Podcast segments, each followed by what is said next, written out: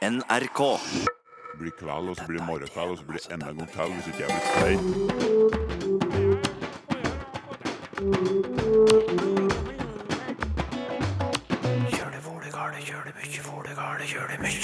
Språkteigen utnytter bærsesongen, Mer bær på den skandinaviske matfatet, sier jeg. Plukk og spis. og i dag tar vi med oss spannet ut på myra på jakt etter nye bær og navn. Tre byer i landet tilbyr et helt spesielt språkkurs. Norskopplæring med barnepass. Ja, det er veldig spennende. da. Det er jo plass til 50 elever, så vi kan nok ikke ha 50 barn. Men uh, vi får prøve på 20 i hvert fall. Vel møtt til Språkteigen. Vi skal ut i litt myrlendt terreng i dag og lete etter bær. Forrige uke starta vi nemlig en serie om navn på bær, om dialektforskjeller og forskjeller mellom de skandinaviske språka. I dag satser vi på å fylle spannet med tyttebær, litt krekling og kanskje den litt mer uvante tranebæra. Det er en ivrig bærplukker som tar oss med, og Christer Vasshus er òg doktorgradsstipendiat tilknytta språksamlinga ved Universitetet i Bergen. Spannet er foreløpig veldig tomt, og vi stopper først ved kreklingen. Krekling er, det er òg et eh, spennende bær med et eh, spennende mangfold i navnet. Men de aller fleste navnene som jeg har kunnet finne om krekling, altså på norsk f.eks. skrekling og krobbær. På svensk kråkbær og eh, kråkjonn og kreppbær. Og dansk kragebær, eller kraubær, som de nok vil si. Det har med kråke å gjøre. Det har krekling òg. Altså, krekling, der har eh, å-en i kråka fått en i-omlyd. Altså, den i-en som kommer i ling, har påvirka vokalen til å bli en e-lyd. Og det forteller noe om eh, Eller det kan fortelle noe om alderen. Det, det betyr at det er minst 1000 år. Kanskje opp mot 1500 år gammelt, dette ordet. Og grunnen til at kråka har gitt navn til dette bæret, det er nok ikke fordi kråkene spiser så voldsomt med krekling, men det er nok fargen. Og da kan det være interessant å tenke på hvilken farge har kråka egentlig. For den skandinaviske kråka, den er grå og svart, mens kreklingen er ganske glinsende svart. Men hvis en drar til Tyskland og Vest-Europa, Frankrike, Storbritannia, så er det en underart av kråka som er helt glinsende kålsvarte. Så her er det nok en navnedanning som har skjedd i dette språkområdet, altså enten tysk eller engelsk. For der òg kaller de det crowberry og kråkelyng osv. Så, videre. så det er et sånn felles germansk navn på kreklingen. Det òg sier noe om at det kan være et veldig gammelt navn. Jeg kan òg forresten si krekling. Eh, ling i krekling, det er lyng. Så krekling betyr egentlig kråkelyng. Og i eh, dansk så, så heter det revling. Revling er det vanligste navnet på krekling i Danmark. Eh, og en revla, det er egentlig en slags eh, Ja, hva skal vi kalle det? Eh, ranke. Og det, er et godt navn fordi lyngen på kreklingen, den, den vokser i noen ranker, nærmest. Ja. Eh, Så det, det er et ganske passende navn på planten. Ja, og bæra sitter òg litt sånn i ranker. Ja, det gjør de, sånn sett.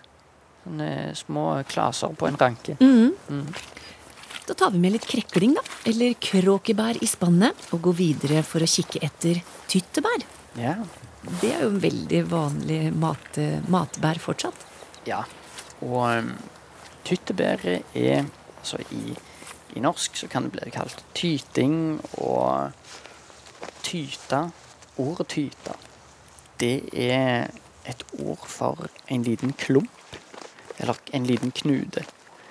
Eh, og, og det er altså ganske mange ord som har å gjøre med utseendet på bæret. Altså ofte har det å gjøre med at det er noe som svelger opp, eller eh, trytt, trutne. Altså vokser og blåser seg opp. Eh, og tyttebær og tyting, det er et eh, godt eksempel på det. I svensk så har vi jo lingon. Ja, det er det jeg kjenner det som. Ja, lingon og lingbær og lyngbær. Og, og igjen med etterleddet ånd. Eh, forleddet er lyng. Så, så, det svenske navnet betyr altså ja, Opprinnelig så er det bare en flertallsform av lyng. Og det er faktisk sannsynligvis lingon som har eh, vært utgangspunktet for denne ånd-endelsen. Der ånd opprinnelig da var en flertallsform, sånn som i øgon og øron, der det gikk over til å bety ber. Eh, altså mange ber. Mm. Eh, og så smitta over som analogi på andre bærnavn. Eh, sånn at en har eh, slinnon og lingon osv. Smultron og hallon. Ja visst. Ja, visst. Mm. Så lyng, altså. Og litt òg farge. Altså rødbær og surbær blir det òg kalt. Og i, i dansk òg kaller en det tyttebær. Og når vi først er i myrlendt terreng, så tenkte jeg vi kunne ta med litt tranebær. Og den er det vel ikke så mange som plukker? Er det Nei. Det? Det, det, tror jeg nok eh, ikke er så veldig mange som gjør. Og grunnen til det er vanskelig å, vanskelig å si, for det bæret er fantastisk. Altså, det egner seg ypperlig til ja, på, Egentlig på mange vis eh, ligner det jo på tyttebær, da. På litt i smak, men òg på bruksmåte syns jeg det passer veldig eh, godt i de samme sammenhengene så tyttebær blir brukt. Så for de som ikke kjenner den bæra så godt, hvordan, hvor vokser den da, i Norge? Eh, tranebær vokser framfor alt på myrer. Det er liksom biotopen til tranebær. Det skal vokse i myr. Og det er jo interessant nok òg i myrene tranene hekker. De bygger reirer sine på myrene. Så her må vi gå ut fra at det har en, en sammenheng. Samtidig så er det sånn at blomsten til tranebæret den har en form som minner egentlig litt om den lange halsen på tranen, og eh, det smale hodet og lange nebbet. Sånn at både voksestedet, altså der så tranene hekker, og utseendet på blomstene før de altså får eh, bæremne det Kombinasjonen av de to tror nok det har vært sånn eh, forsterkende begge veier. Eh, at de har blitt oppkalt Bæra har blitt oppkalt etter tranen. Og det er òg for så vidt noe som er eh, felles i skandinavisk. Alle de skandinaviske språkene bruker tranebær, i tillegg til en del andre, andre dialektversjoner. Men det strekker seg òg ut over det germanske språkområdet. I latvisk, f.eks., der heter det 'djervene', og 'djerv' det betyr trane. Mm. Det polske navnet på tranebær også, betyr òg tranebær. Så, så, dette ordet vil jeg òg tro er Ja, eh, det kan være gammelt. Iallfall ideen om eh, tranene kan være gammel. Men det fins, som jeg allerede nevnte, andre navn. I svensk så har jeg naturligvis ord som trenjon, med åndavledning. Det blir kalt myrbær og mossebær, altså som sikter til voksestedet. Og gåsbær kan bli kalt i svensk. Eh, og det, det kan en òg tenke seg har lignende forklaring så, så tranebær, altså utseende på stengelen, men òg til en viss grad hekkested til enkelte typer gjess. Mm. I dansk så har en ord som kjernebær og surbær. Surkagge det er et ord. Kagge det, det igjen egentlig har å gjøre med formen. En kagge, altså eh, en rund form. Og sur, altså De er ganske sure. Vet, hvis du har smakt et, eh, et skikkelig tranebær, altså de du får kjøpt i butikken, det er ofte en amerikansk eh, art som ikke vokser i Skandinavia den skandinaviske, mye mindre eh, versjonen av, eh, av, tranebær, det er altså ganske surt. Syrlig. Og kjernebær, da? Eh, ja, det er tjern. Altså at de vokser i et område der det er et tjern. Mm. Det fins andre ord som kråkebær og bjørnbær og revebær. Sånn, eh, det er altså områder så Med tanke på at kråke og bjørn og rev ofte blir sammenbundet med at bær ikke er spesielt spiselig, så er det nok områder der en har ja, ikke vært spesielt glad for tranebæret som mat. Men det skal jo være veldig sunt, da, har jeg forstått? Det er sunt. Det ja. inneholder noen stoffer så, ja, så rett og slett er bra for deg. Noen mener òg det er bakteriedrepende. Du skal spise det for å bli kvitt Eller iallfall holde vekke sånne eh, infeksjoner som forkjølelse eller eh, urinveisinfeksjoner, ja. har jeg hørt. Eh, akkurat de egenskapene de skal nok ikke jeg uttale meg om, altså. Det, det er ikke helt mitt felt. Men du syns vi kan plukke den? Plukk og spis, altså. Det er mer, mer bedre på den skandinaviske matfatet, sier jeg. Bæra sin viktige funksjon som matauk har gjort at den har fått så mange forskjellige navn, har du sagt. Men nå når vi stort sett kjøper den på butikken, vil mange av disse navnene forsvinne, tror du? Det, det kan veldig godt være at det gjør, altså. Og det har òg sikkert sammenheng med en større grad av urbanisering. Der eh, ja, for det første at mange unger, og voksne òg for den saks skyld, ikke kommer ut i ja, i feltet og plukke de bæra og lære om eh, hva, hva for noen bær som er spiselige, hva for noen som bare ikke smaker spesielt godt, men som likevel kan fylle magen hvis nøden nå skulle inntreffe.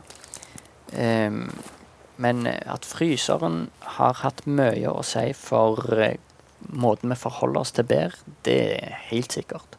Og at det kommer til å være noen av disse ordene så forsvinner, det er òg helt sikkert. Og det må vi regne med at det alltid har gjort, med tanke på det store dialektmangfoldet som finnes.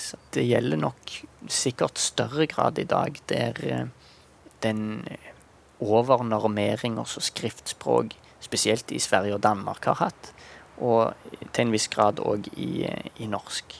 Skriftspråk påvirker talespråk. Hvis det ikke blir holdt i hevd ganske kraftig i i dialekten. Vi har vært på bærtur sammen med navneforsker og bærplukker Christer Vasshus.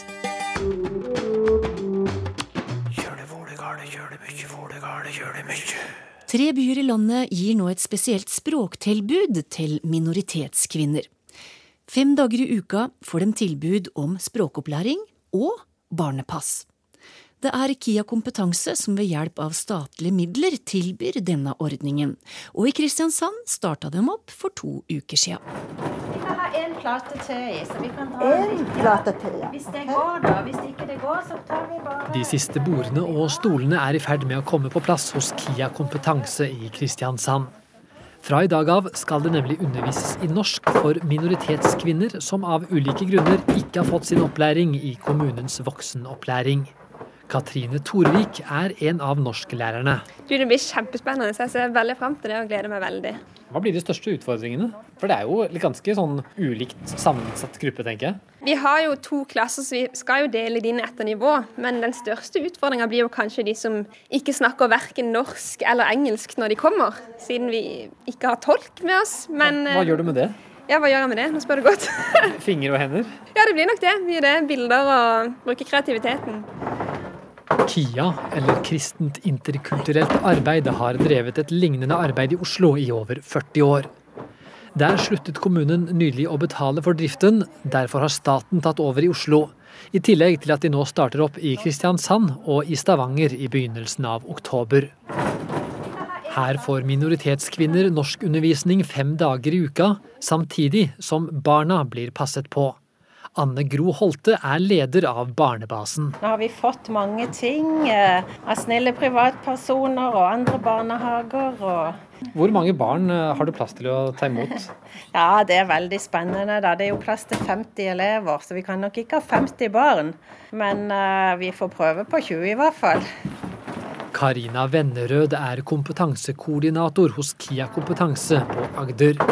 Det betyr at hun har det daglige ansvaret for driften, og er spesielt opptatt av at kvinnene får muligheten.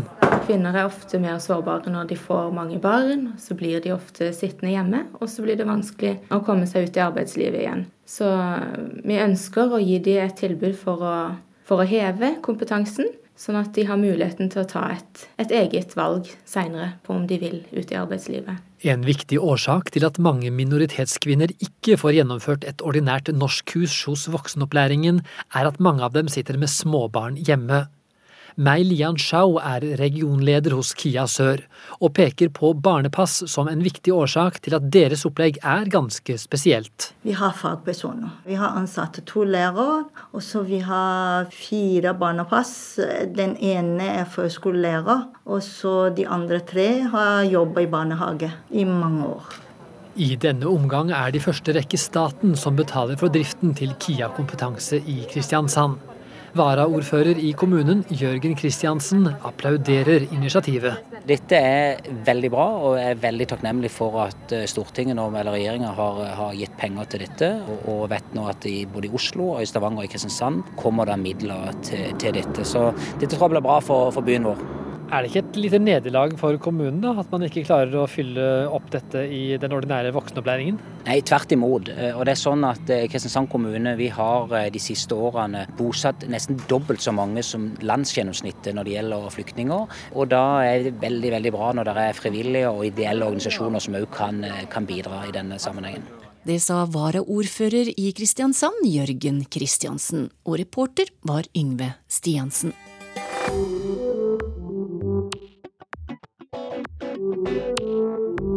Da er det klart for dagens bunke med lytterspørsmål, og det er Tor Erik Gjenstad som er klar til å svare. Marianne Kaldestad er først ut, og hun skriver. For ei stund siden så hørte vi om ordet avtal i Språkteigen, et ord jeg ikke hadde hørt før jeg kom til Modum. Da prata ei dame om svigermora si som avtal, men sjøl karakteriserte hun seg som toger, altså seig, utholdende og tålmodig. Kan toger ha sitt opphav i de tynne bjørkerøttene som brukes til å flette med tæger, spør Marianne. Ja, det er nok neppe en direkte sammenheng, iallfall. Eh, men det her ordet her, eh, adjektivet, det er i norsk ordbok ført opp med oppslagsform tog. Men som målførervariant toger, da. Da er det vel en gammel nominativs R som har festa seg, antagelig. Og det betydninga som er ført opp, det er nettopp det her seig og utholdende, men også rolig og saktmodig. Og geografisk område, som nevnt, er nå altså Romerike, Ringerike, Nedre Buskerud, Hønefoss, Asker, og, og så gammelt òg i Vestfold. Slektskapen her, ja eh, faktisk uh, langt ute med det engelske ordet tøff. Oh. T-o-u-g-h, som også har fått igjen som tøff, da. Og du har et C på tysk. Og det ser ut for at det er nordvestgermansk ordrot som kan ha betydd sammenklemt, og som kanskje er i slekt med redskapsnavnet tong eller tang. Så det er noe vide samband her. Og av dette så har da toger havna i ja, det området du sa? Det har havna i et avgrensa område på Østlandet, ja. Det var visst særlig bruka om hest, men tydeligvis også om folk, da, slik som vi hører her. Når en skal skryte av seg sjøl? ja. ja. I dag er det lavt vanne, sier vi. Da gleder vi oss og venter godvær, skriver Tove Gjølle. Når vi derimot ser at vannet stiger, så sier vi i dag er det høyvann, og da kommer uværet. Er det en gammel dativsform som har overlevd i vannet, spør hun. Ja, det kan se slik ut, altså. Det er helst i faste uttrykk, det der. Lavt vanne. Eh, og på djupt eller grunt vanne, åpent vanne, smult vanne. Og, og til og med i sammensetning høyvanne ja. finnes som plasser. Og eldre litteratur så vil kunne finne uttrykket oven vanne, eller oven vande, som konkret da betyr i flytende tilstand. Den overført da, at den er oven vanne, er så vidt den holder gående. Mm. Faste uttrykk.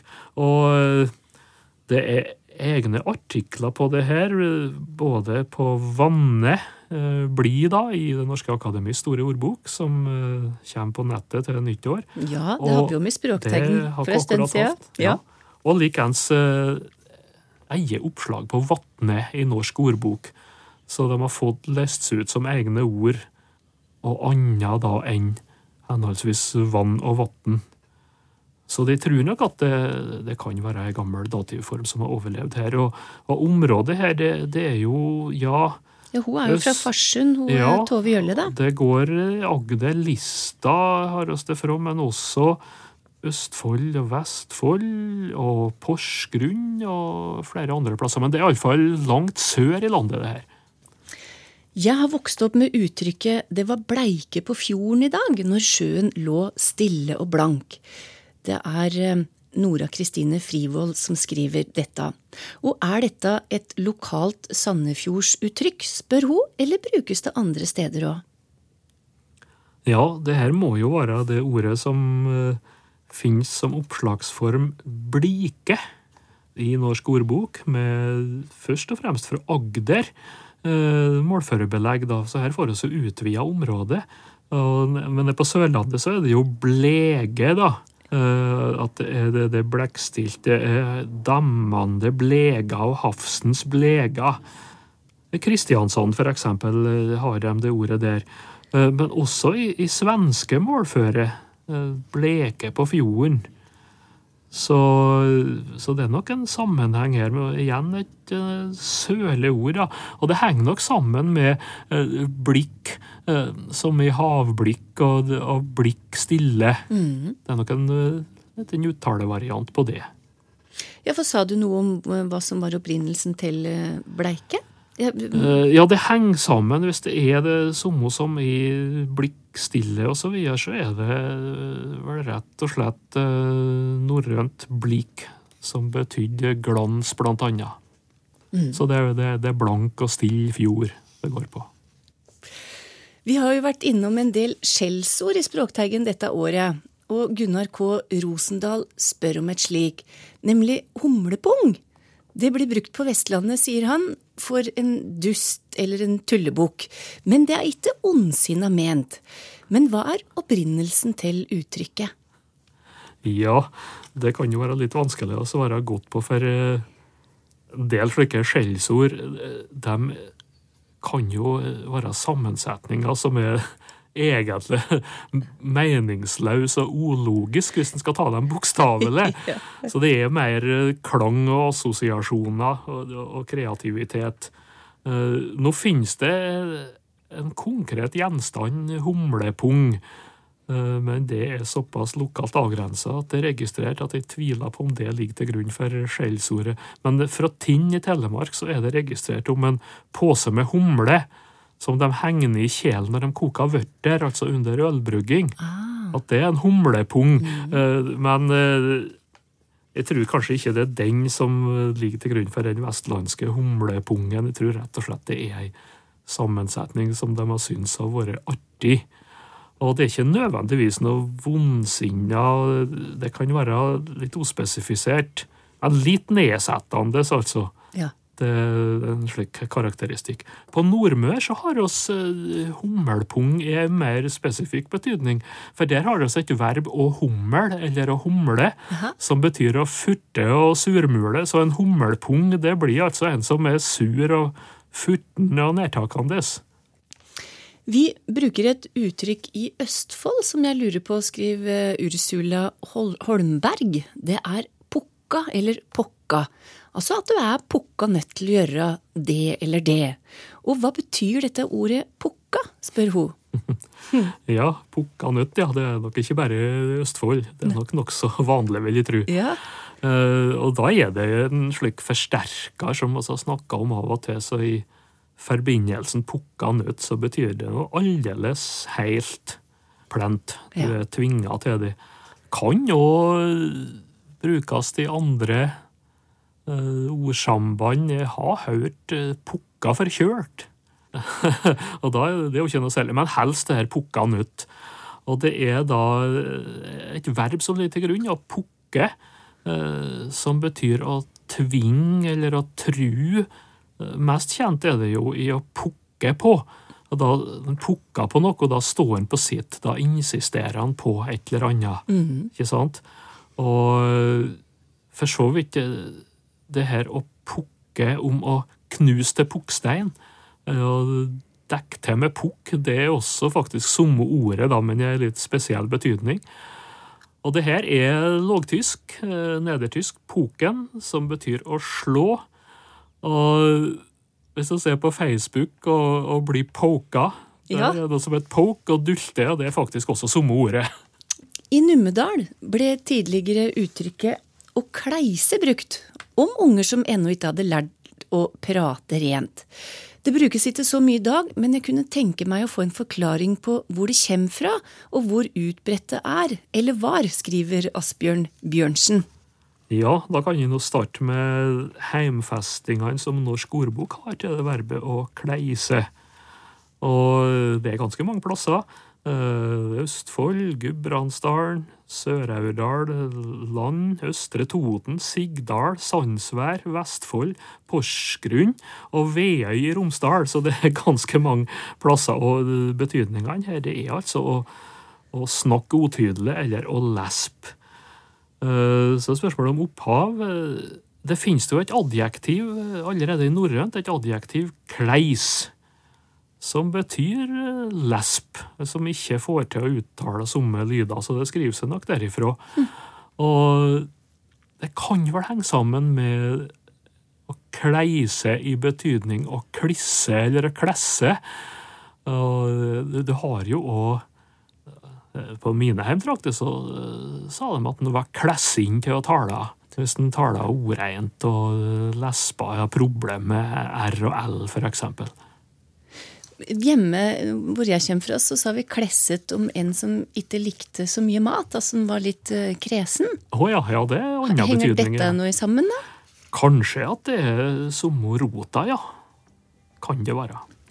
Kleise ble siste ord ut i denne runden med lytterspørsmål. Takk til deg, Tor Erik Gjenstad. Neste uke kan vi risikere å havne helt på bærtur i Skandinavia i jakt på bringebær. Folk vet jo ikke hva bringebær er. Bringebær på dansk heter himbær. Drar du til Sverige, så heter det noe helt tredje. Der heter det hallon. Vi høres. Ha det bra.